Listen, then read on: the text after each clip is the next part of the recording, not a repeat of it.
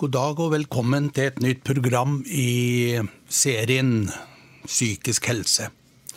Eh, dette er et program som jeg kan minne på at eh, også blir eh, lagt ut som podkast, slik at man har muligheter til å høre på dette på andre tidspunkter enn når det sendes i radioen.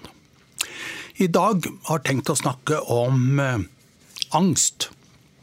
Angst som jo er en av de mest vanlige psykiske lidelsene vi opplever i Norge.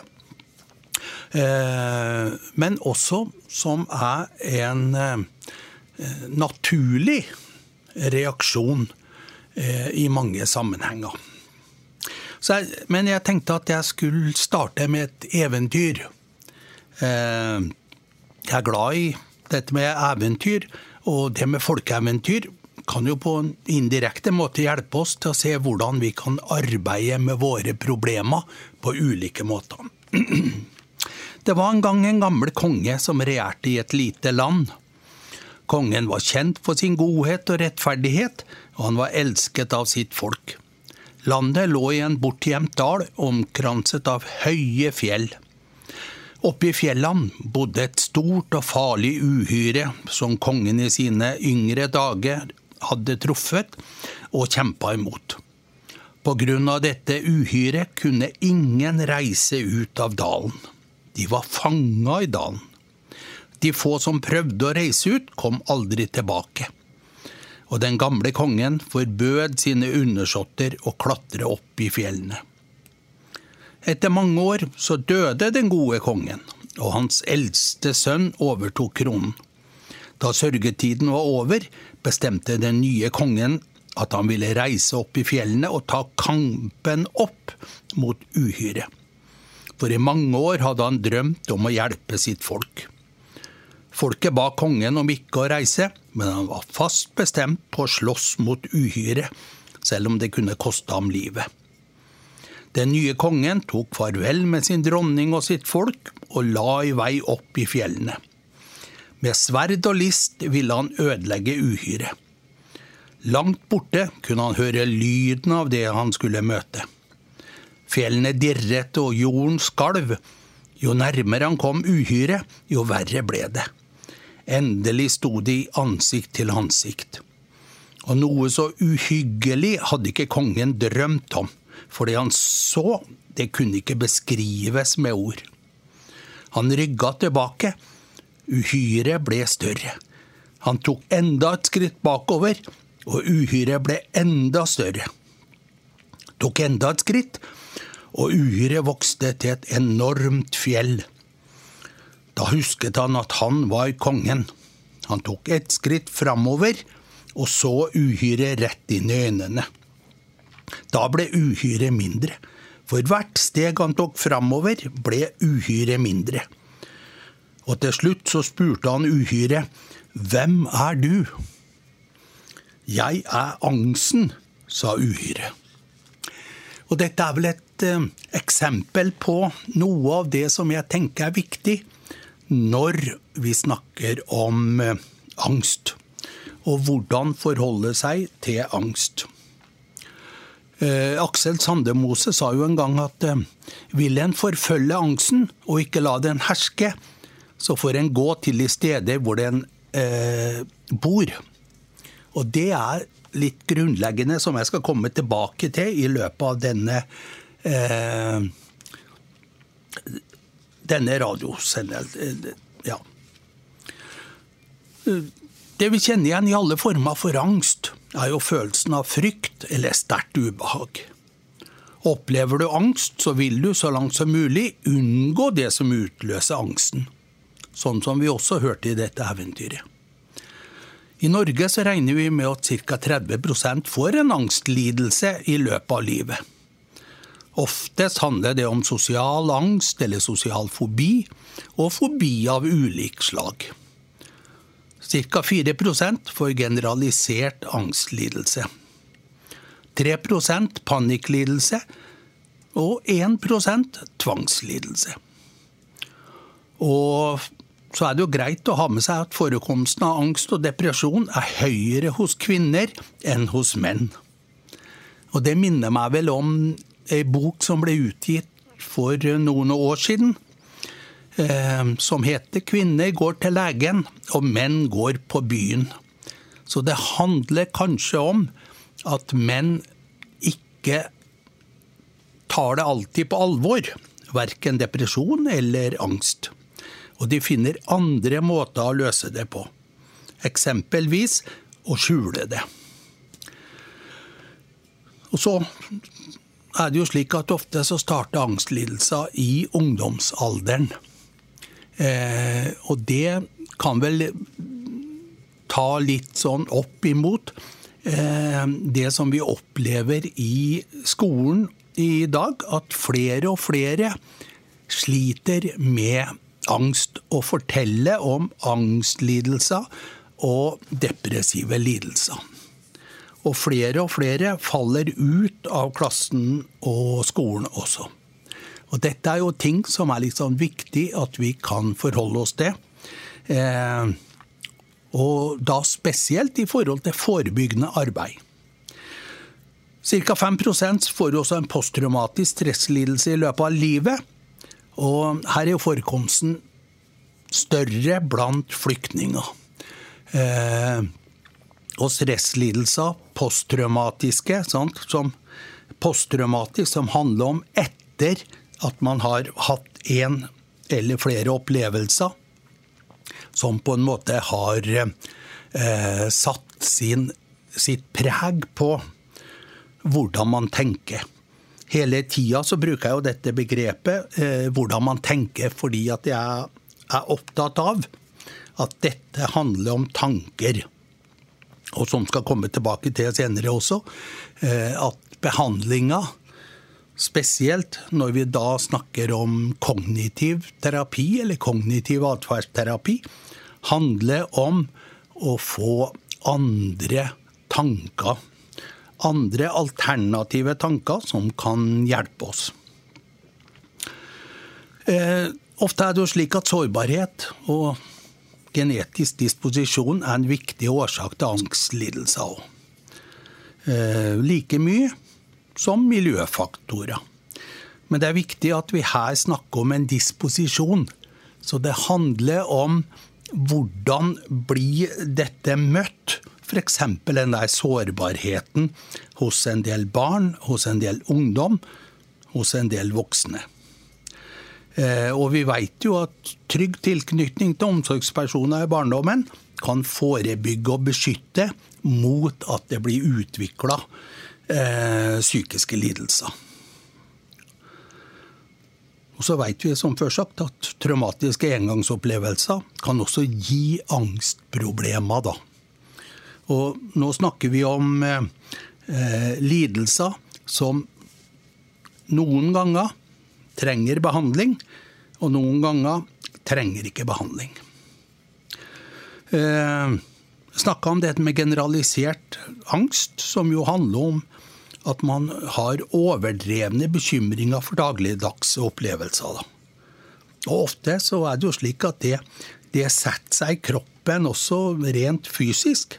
Muskelspenninger, indre uro, en del kjenner seg igjen i forhold til panikklidelser, hvor man får angstanfall. Hjertebank, svette, pustevansker. Opplever redselen for å besvime eller bli kvalt eller dø. Eh, og her kommer vi jo raskt inn på dette begrepet angsten for angsten. Dette å være redd for å få at angsten skal komme tilbake igjen. Og det skal komme tilbake til å eh, fortelle mer om etterpå. Og så er det dette med tvangslidelser, da. OCD, som på en måte er det, det heter fint på, på eh, engelsk eller amerikansk, da. Eh, tvangstanker eller tvangshandlinger. Og det er kanskje en del av dere som har sett livets lyse side med Jack Nicholson. Eh, og som på en måte er et eksempel på dette med at en, en finner løsninger for at man skal slippe på en måte å måtte forholde seg til eh, følelsen som angsten gir, og som denne tvangslidelsen gir. Dere, hvis dere har sett Jack Nicholsons i livets lyse side, så vet dere at han hadde et repertoar, og han var nødt til å følge det for at han på en måte skulle føle seg rimelig trygg. Men det måtte skje hele tida. Fem ganger åpne døra. Fem ganger vaske seg med såpe. Kan aldri bruke samme såpa to ganger. Det er mange sånne ting som ligger oppi dette her. Eh, og av og til så kan jo disse tvangstankene også gi veldig stor grad av skam, f.eks. Eh, jeg husker jeg, jeg satt og eh, skulle snakke med et eldre ektepar. Hvor kona nettopp hadde kommet hjem fra en større hjerteoperasjon tynn, lita i eh, begynnelsen på 80-årene. Og plutselig så fikk jeg for meg denne redselen for at jeg skulle finne på å slå av i hjel. Så jeg måtte holde meg i, i sofaen fordi at jeg ble, jeg ble bekymra for hva jeg kunne finne på å gjøre. Nå, dette var jo en, en ikke noe reell eh, fare, tenker jeg. Men det var en tanke som kom inn. Og jeg syns å kunne kjenne igjen dette her i forhold til en del av de klientene, pasientene, som jeg har møtt. Og så er dette med fobier, da. Spesifikke fobier som handler om eh, spesifikke situasjoner, f.eks. redsel for edderkopper Redsel for slanger, høyder, tunnel, fly. Og man finner måter å unngå dette her på. Og det kjenner vi jo igjen når vi snakker om angst. Dette med unngåelsesatferd. Hvordan skal jeg slippe å måtte forholde meg til en situasjon som setter i gang eh, disse tankene, som setter i gang følelsene, slik at jeg får det vanskelig. Jeg husker jeg snakka med en brannmann som fortalte at eh, han hadde vært med på en eh, situasjon hvor noen barn hadde brent inn. Eh, og han fortalte at dette kunne han kjenne igjen fremdeles når han nærma seg den gata. Så han gikk aldri inn i den gata. Eh, fordi at da var han bekymra for at han skal igjen merke f.eks. lukta ifra eh, brent kjøtt, for å si det sånn. Eh, se for seg bildene når han kom inn på en måte og fant de. Så han gikk alltid lange runder rundt. Og når han kjørte bil og, og også, valgte på en måte å ha lang eh, langt, hvitt eh, kjøring lengre bort ifra dette her. Så dette er ulike former for angst. For angst er jo så mye. Det er så mange typer, og det er mange måter å forstå angsten på.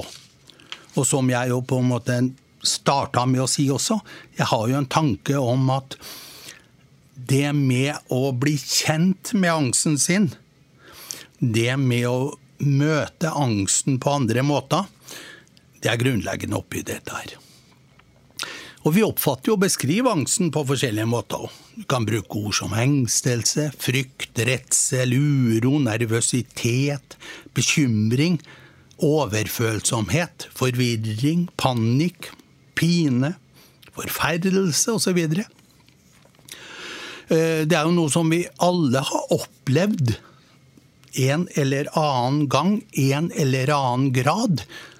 Og Det er normale reaksjoner ofte, og ikke nødvendigvis noe vi vil beskrive som et problem eller en sykdom. Om det er det ene eller det andre, avhenger jo av styrken. Og det avhenger av hvordan vi klarer å takle angsten. Hvordan vi klarer å møte angsten. Eh, vi kan reagere på ulike måter når vi møter angstskapende opplevelser. Jeg husker jeg hadde en dame som eh, vi brukte lang tid til å snakke om eh, hvordan hun hadde det, og hvordan hun reagerte. Eh, eksempelvis mannen hennes kunne aldri dra på jobb uten at hun var med. Spesielt gjaldt jo det når han hadde nattevakt. Eh, men vi prata litt sånn fram og tilbake, og eh, snakka om dette med hvordan forholde deg til angsten. Er det noen måter vi kan, vi kan få kontroll på den angsten på? Eh, og jeg hadde nettopp vært på et kurs da hvor en eh, av kurslederne snakka om at eh, det med å få kontroll på angsten. Og han fortalte et eksempel om at eh, han hadde da hatt en dame som han da hadde klart å få til å skape en opplevelse av. Å ta frem f.eks. et syltetøysglass, og så prøve å få angsten opp i eh, dette syltetøyglasset. Det handler jo om på en måte en aktiv handling, slik at man begynner å forholde seg til angsten, istedenfor å la angsten bare eh, gripe over. Eh, dette her på en måte sånn, tenkte jeg at jeg skulle også prøve i forhold til denne dama, for hun sleit jo fantastisk godt med dette her. Eh, så, så, og hun var veldig med på å kunne tenke i de, disse banene. Og det handler jo litt om dette med hvordan skal vi møte ulike klienter, ulike pasienter, ut ifra hva eh, vi klarer på en måte å skape av allianse oss imellom. Så eh, jeg hadde ordna slik at hun skulle på en måte finne fram et syltetøyglass, og når angsten kom, så skulle jeg på en måte eh, lure angsten oppi, oppi syltetøyglasset og skru på korka.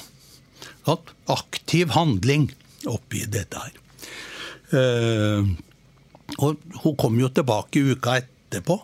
Eh, og så så jeg at hun smilte på en måte når jeg spurte hvordan gikk dette atferdseksperimentet, da. Og så sa hun at eh, nei, hun fikk ikke til å lure angsten oppi syltetøyglasset. Men det hun hadde fått til, det var å lure angsten inn i mikrobølgeovnen. Og så hadde hun trykka på Eh, og satte i gang mikrobølgeovn. Så hun hadde på en måte fresa opp denne angsten. Eh, igjen viktig at eh, huske på at her handler det om å gå fra å være et offer, om man kan kalle det sånn, for angsten, til på en måte å bli en aktiv, handlende eh, person. Slik at på en måte en, en kan forholde seg til angsten. Eh, en angst som på en måte kanskje har vært med i mange år. Kanskje skulle man heller i grad tenke på dette som, som en eh, som har hjulpet meg en gang i tida. Eh, men nå har dette blitt akkurat som en del venner som jo kommer innom og aldri sier fra på forhånd. Og det er vel kanskje noe av det som eh, mange snakker om som denne angsten for angsten. Det å gå og være redd for at jeg vet ikke hva som kommer til å skje, og når angsten kommer. Men i forhold til denne dama, så eh, hadde hun jo på en måte en sånn eh, suksessopplevelse, en mestringsopplevelse, om man kunne si det sånn. Men så var hun nødt til å, å snakke litt om at ja, du veit at angsten den er omtrent sånn den italienske mafiaen. Her vil du på en måte kunne oppleve at uh, man vil prøve på en måte med blodhevn. Så det kommer nok flere ganger. eh, banker på døra di, kommer inn, men nå vet du iallfall én måte, for ikke å si to måter, hvor du kan møte denne angsten på. Akkurat sånn som eh, jeg husker jeg nevnte Aksel Sandemose i starten. Sånn. Vil en forfølge angsten og ikke la den herske, så må en gå til steder hvor den oppholder seg, og hvor den bor. Slik at man forholder seg aktivt. Ja. Vi kan bli stive av skrekk. Selvfølgelig uh, ute av stand til å handle, eller vi kan rømme fra situasjonen. Eller vi kan ta kampen opp mot de problemene vi møter. Det er sånn som man snakker om i forhold til, til traumeopplevelser også, eller reaksjoner i forhold til traumer. Det er en sånn fight, flight og freeze. Enten så kjemper du, eller så prøver du å flykte. Eller så blir du helt stiv av skrekk. Eh, og hva som er best å gjøre, vil naturligvis være avhengig av situasjonen og styrken på angsten. Angst hjelper oss til å overleve i hverdagen, Eh, i mange sammenhenger. Men når den blir for stor, eh, når hele kroppen på en måte kommer i alarmtilstand, så vil det kunne reagere med en angst som blir sittende. Eh, opplever vi en bilulykke eller brann, så er angst et signal om at noe er farlig. Angst setter oss i beredskap, slik at vi kan takle en vanskelig situasjon. En slik angst er en normal følelse som setter oss i en tilstand positiv selvforsvar. Og så er det jo slik at eh, det produseres i binyrene da eh, adrenalin og kortisol, noradrenalin, eh, som på en måte setter kroppen i beredskap. Men når vi klarer på en måte å eh, få kontroll over situasjonen, eller at hvor det skumle eller det farlige nå på en måte har eh, forsvunnet, f.eks. For at vi har fått hjelp, vi har forstått det bedre, så eh, går disse, disse hormonene tilbake oss også. Eh, slik at vi igjen kan få det rolig. Eh, og så er det viktig å påpeke at ikke all angst skal behandles igjen. Men som jeg har sagt i forhold til depresjoner øh, tidligere, så er det også slik med angsten at det er greit på en måte når du merker at den tar over en god del av livet ditt, eh, så kan det være lurt å snakke med legen. Eh, fastlegen din i forhold til hvordan skal du forholde deg til dette her. Ja, eh, jeg tenkte nå passer det godt med Åge Aleksandersen. Eh, Trondheimsnatt. Den ble jo skrevet i en spesiell situasjon for Åge, også fortalte han. Når han var redd for hvordan kom det til å gå med kameraten hans, som hadde vært utsatt for en alvorlig ulykke. Og Sånn sett er det jo greit å huske på at eh, musikk også er av og til angstdempende. Ja. Nei, så la oss høre på Åge.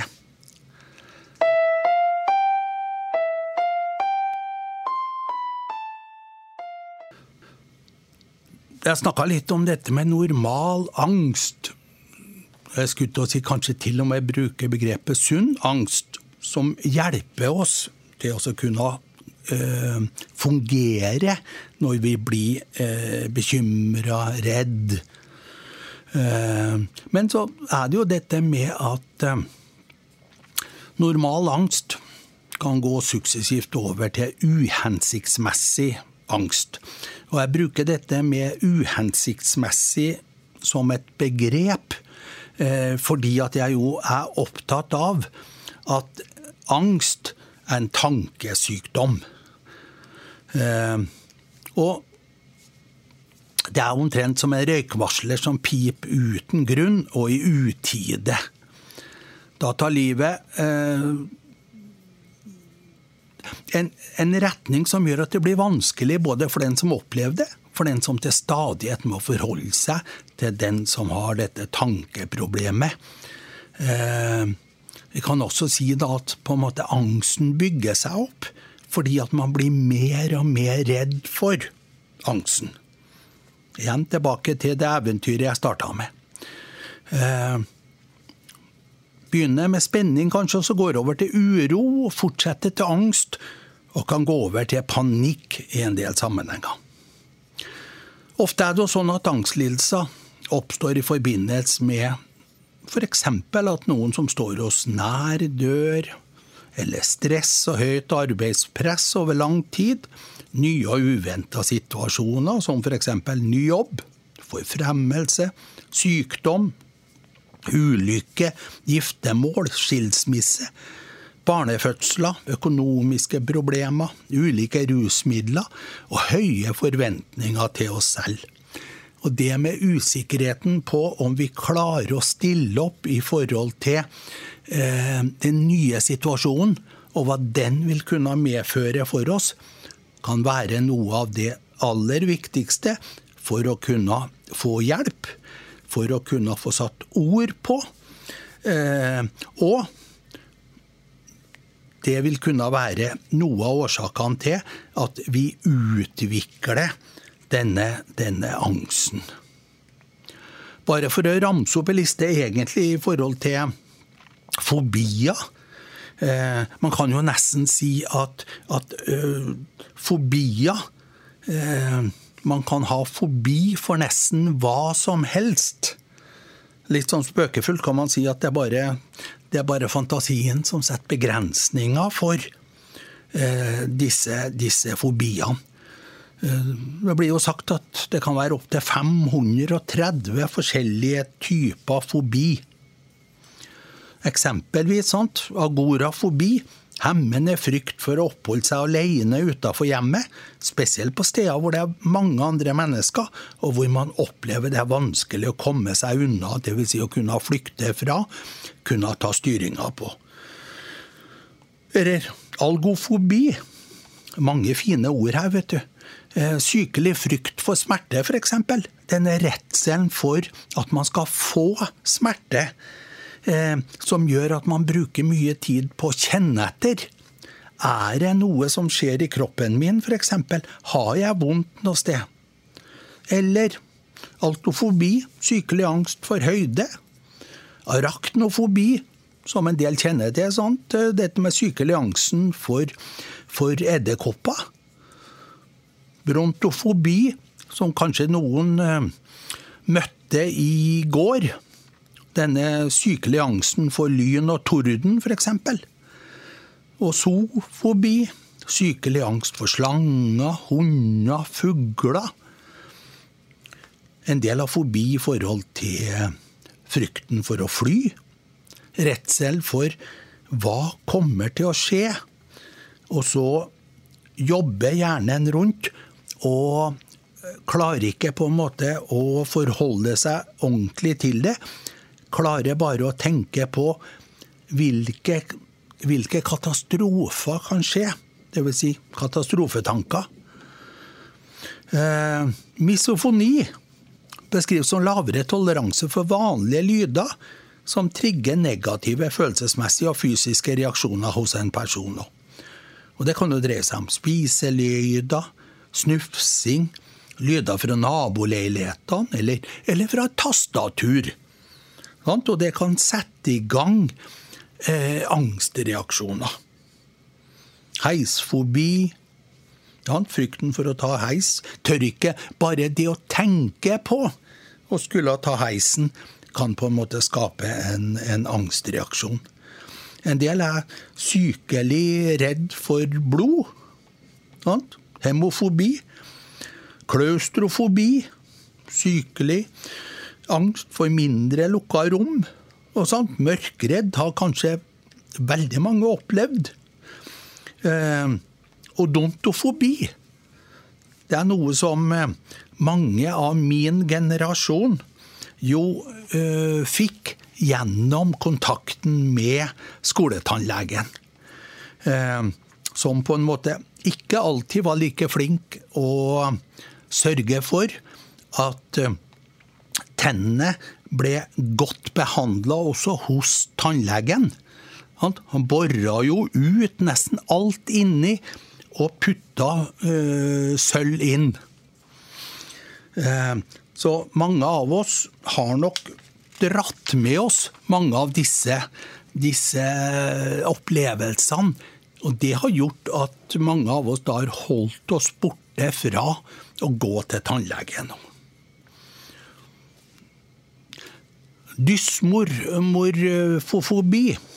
Sant? Frykt for minimal defekt av utseendet òg, f.eks. Det er sikkert mange av oss som har opplevd dette med bekymringa i forhold til en kvise. Men nå veit vi jo at eh, nå er det mange som sliter med at de er misfornøyd eller er bekymra for at utseendet ikke er godt nok. Så eh, det er så mange muligheter ute og går, og kanskje er det slik også, som en del har snakka om i forhold til f.eks. ungdom på øh, skolen, som på en måte i forhold til ungdomsundersøkelser nå eh, viser mer og mer eh, bekymringer for hvordan det skal gå. Eh, det er mer fare for psykiske lidelser ute og går eh, i forhold til skolebarn. Flere skolebarn. Ja, siste Eh, vel nå hørte jeg var kanskje til 40 000-60 000 skolebarn har eh, angst for å gå på skolen, eller angst for det som skjer på skolen. Eh, og som på en måte har gjort at de har et kjempestort fravær, eller kanskje ikke har vært på skolen i hele tatt, på lang, lang stund. Så eh, når slike opplevelser fortsetter over lang tid, så, så kan jo selv friske mennesker bli trette og deprimerte og rastløse. Og kan på en måte bli mer eh, engstelige. Og angsten kan bli noe verre enn den verste smerte. Eh, man tør ikke å utsette seg for disse situasjonene, og man prøver å flykte unna. Av og til er angst noe som er maskert Eh, og er skjult fordi at vi først og fremst opplever kroppslige plager i form av f.eks. For hjertebank og vanskeligheter med å puste. Eh, og det, det, er ikke alltid at vi forstår hvorfor har nå dette kom. Jeg husker jeg hadde en dame som kom i forhold til å få bearbeida sorgen. Få hjelp av sorgen i forhold til mannen som eh, hadde dødd, død av hjerteinfarkt. Eh, hun var jo i den situasjonen at hun, hun satt med mannen eh, på sykehuset eh, over lang tid. Eh, og han eh, Det virka jo som han på en måte klarte seg rimelig bra. Så sykehuspersonalet sa at du kan bare dra hjem. og så sånn dusjer du og ordner deg og sånne ting. Og så skal vi passe på mannen din til du kommer tilbake. Men så skjedde jo det tragiske, selvfølgelig, at mannen døde jo mens hun da var hjemme. og dette her tok jo hun til seg, både i forhold til skyld, hun skulle ha vært der og sånn. Men ok, uh, vi jobba en god del med dette her. Men det som plutselig skjedde, var jo at jeg fikk fantastisk vondt i brystet, og var helt sikker på at jeg også hadde fått, uh, fått hjerteinfarkt. Så jeg hadde på en måte stjålet symptomene på en måte ut av dette her, fordi at jeg hadde vært så opptatt av, av å hjelpe henne eh, med det jeg sleit med. Så dermed så tok jeg over dette her òg, og jeg fikk en del, en del fysiske reaksjoner.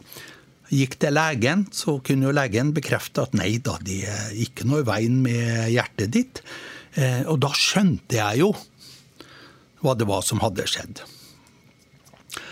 Så eh, Jeg har jo tidligere nevnt også dette med eh, kognitiv terapi. Jeg er opptatt av dette med tankens makt. Og at eh, det er tankene som setter i gang følelser, som setter i gang eh, reaksjoner og handlinger. Eh, og så ofte kan det jo være slik at vi da, når vi ikke kommer oss ut av denne, denne vonde sirkelen, eh, så forsterker disse tankene eh, opplevelsen vi har, og vi, vi, på en måte kanskje trekker oss tilbake fra, redd for å komme opp i situasjoner eh, i forhold til disse tankene. Så kognitiv terapi, eller kognitiv atferdsterapi, da, i utgangspunktet er jo det en godt dokumentert behandlingsforma som anbefales av også Helsedepartementet, eh, Helsedirektoratet, i forhold til arbeid med angst. Så behandlinga tar utgangspunkt i måten vi tenker på, da. Symptombehandling eller symptomlindring som kan holde seg over tid, og som forsterkes når behandlinga er fullført. Bl.a. fordi at eh, vi har arbeidsoppgaver imellom eh, disse timene. Det er én ting å gå til behandling én time i uka, men det å få med seg noen arbeidsoppgaver som de kan jobbe med eh, de 167 andre timene òg, gjør jo at det er lettere på en måte å kunne klare å få gode resultater ut av dette her. Erfaringene viser jo at tankene, fantasiene og bilder og forestillinger spiller en betydelig rolle i utvikling og opprettholdelse av angstlidelser. Og behandlingen da dreier seg om problemløsning og endring av tanke- og handlemåte. Og i behandlinga er et mål at vi skal prøve å sammen klare å skape en refleksjon over eh, pasienten, klientens tanker, for å få bedre forståelse. Og kunne jobbe med den aktuelle situasjonen her og nå. Blant annet så er vi jo veldig opptatt av å gradere dette her. Hvor mye tror du på denne tanken? Eh, og Eh, jeg har vært opptatt av eh, hvordan komme i posisjon til å gi en best mulig behandling. Og Det ene er jo på en måte dette med at vi, vi må være enige om at eh, pasienten er motivert. At den ønsker på en måte å skape en, en endring.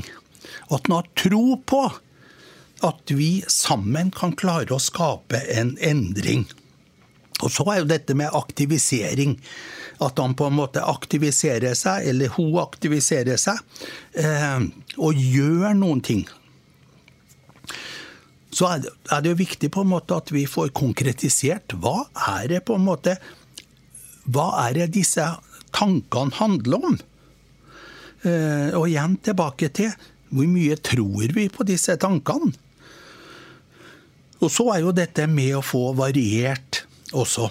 Sant? Um, oppleve det ikke bare i samtalen oss imellom, men at de kan gå ut og øh, prøve seg ut. Finne ut hvordan de på en måte kan, kan gjøre ting annerledes. Det er det som vi snakker om på en måte som sånn eksponeringsterapi. Jeg husker jeg hadde en uh, ungdom som sleit veldig med, med sykdomsangst. Eh, og han vaska seg eh, kontinuerlig. Det var jo nesten så at han hadde vaska av huden på, på hendene. Eh, og etter at vi hadde prata sammen noen ganger, så fant vi ut at nå skulle vi gå ut, og så skulle vi prøve ut dette her. Sånn? Redselen hans for at han skulle bli smitta av noe. Eh, og det, det, er viktig selvfølgelig å si fra at eh, vi ikke begynner å handle uten at vi på en måte har eh, trygghet på at vi, vi har en behandler med oss også. Eller iallfall en trygg situasjon rundt oss. Men det vi da gjorde, var at vi, vi gikk rundt på torvet. Eh, og så fikk denne ungdommen ta oppi alle søppelkassene. Eh, ta noe i forhold til hva som var der, men fikk ikke muligheter til å vaske seg. Og så fikk litt erfaringer på, og vi snakka om eh, ja, hvordan føles nå dette her. Eh, jo, det, det, det Angsten var jo der, f.eks., men eh, er det Merker du at eh, jo mer vi gjør dette her, jo flere ganger du gjør, eh, så blir du ikke syk, f.eks. Eh, vi gjorde jo dette flere ganger. Og Det er vel et sånt eksempel på dette med at en må, en må stille opp i forhold til angsten. En må jeg skulle til å si, provosere. Eksponere seg i forhold til angsten. Og så viktig at det på en måte er en individualisert behandling. Da. Det vil si at vi, vi lager det med basis i hvordan fungerer denne ungdommen, denne mannen, denne kona, denne kvinnen. Eh, så at vi, vi eh, ikke sette i gang noe uten at vi er sikre på en måte at vi har med oss eh, pasienten, klienten. Og så er det dette med samarbeid. For samarbeid er grunnleggende oppi dette her. Eh, derfor er det jo slik at eh, i forhold til hjemmeoppgaver og sånne ting også, så bruker vi en del skjemaer som at man fyller ut, og så kan vi snakke om det. Hvordan har denne timen, eh, forrige timen vært? Hva tenker du i forhold til denne nye timen nå? Hva skal det handle om? Hva fungerer, hva fungerer ikke? Og Da er vi tilbake til dette med evalueringa. Sånn at vi hele tida evaluerer hvordan, uh, hvordan fungerer det her. Har det vært vellykka? Hva har vært vellykka? Hva har ikke vært vellykka? Så gjennom kognitiv terapi så prøver vi å få en mer gjennomreflektert forhold til angsten og de tankene, de følelsene og de kroppslige reaksjonene eller handlingene som dette har skapt. Og Målet er selvfølgelig å redusere symptomene, slik at en mestrer angstproblemene for å få dette til. Eh, og Derfor må vi forandre tankemønstrene. Vi snakker av og til om eh, et sånt ABC-skjema. Dvs. Si å kartlegge hvilke tanker settes i gang i ulike situasjoner. Hvilke følelser skaper disse, disse tankene? Hva gjør du når disse tankene og følelsene settes i gang? Og så kan vi snakke om alternativet. Hvordan kan det ellers forstå? Fins det andre måter å løse dette på? Sånn?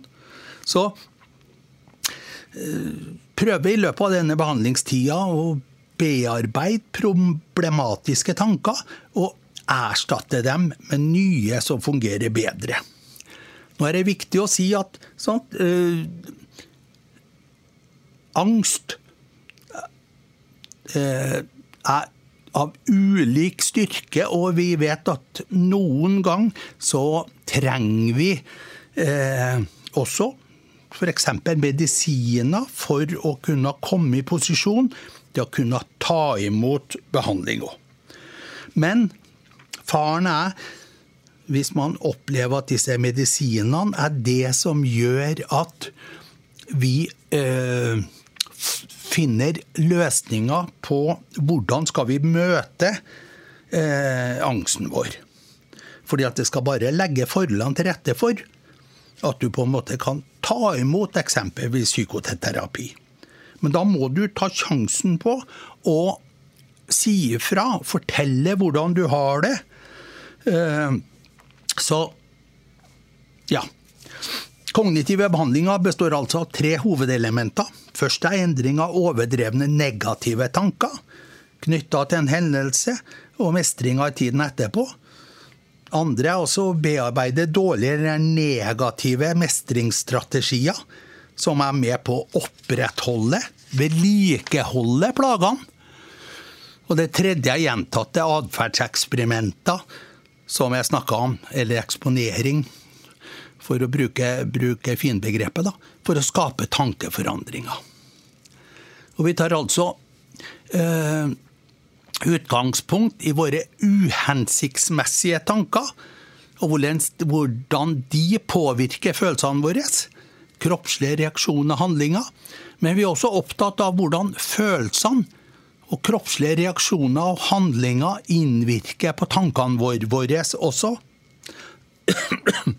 Og dette samspillet blir jo på en måte også viktig fordi at eh, vi tar jo med oss erfaringene våre. Og så er det av og til at vi tror at dette på en måte er sannheten. Det er sånn som vi har opplevd, om vi så har opplevd det bare én gang. Eh, så jeg hadde lyst til sånn helt til, slutt å fortelle sånn, Den amerikanske psykiateren David Burns laga en liste over ti negative tankemønstre som kan skape problemer for oss. Eh, det ene er jo alt eller intet-tenkninga. Når vi tenker på den måten, så ser vi få nyanser. Enten er det svart, eller så er det hvitt. Verden beskrives da ofte som svart eller hvitt, og menneskene, menneskene rundt deg blir enten snille eller slemme. Dagene er gode eller dårlige, aldri en middels god dag. Og så har vi katastrofetenkning. Innebærer at alle situasjoner kan få det verst tenkelige resultat, og vi sikrer oss. Det er nesten sånn lurt å ha med seg paraply selv om det er sol, fordi at vi veit jo og det har vi jo hørt, at etter sol er faren for at det kan bli regn. I går så smalt det, det var torden og lyn. Sjansen kan være der, og vi må sikre oss at vi har med oss paraply. Sånn? Det kan være eksempler på dette her. Eh, så har vi generalisering. Sånn ut fra en enkelt situasjon så trekker den konklusjonen at erfaringene må gjelde alle situasjoner. Hvis jeg gjør en feil, så er det også alt det andre jeg har gjort feil, f.eks. Og alle situasjoner i framtiden vil også kunne bli feil og negativ. Uh, ja. Tida går fort her, og jeg tenker en viktig del av helbredelse er ønsket om helbredelse. Eller ønsket om øh, å kunne forholde oss til de symptomene som dukker opp. Uh, og Vellykka behandling av en angstlidelse forutsetter motivasjon for endring, sånn som jeg nevnte. Sant? Så vi må finne ut hva er det som motiverer deg. Hva vil kunne skje hvis du på en måte nå får det litt bedre, f.eks. Det å få troa på så jeg nevnte dette med de rundt òg. Og vi har jo hatt noen programmer hvor vi har snakka om pårørende. Og det er fantastisk viktig at vi også har med oss de pårørende i forhold til arbeidet rundt med, med både når det gjelder behandling for angst, angstlidelser, og når det gjelder depresjoner, f.eks. Så jeg tenkte jeg skulle avslutte med, med Bjørn Eidsvåg. Jeg ser.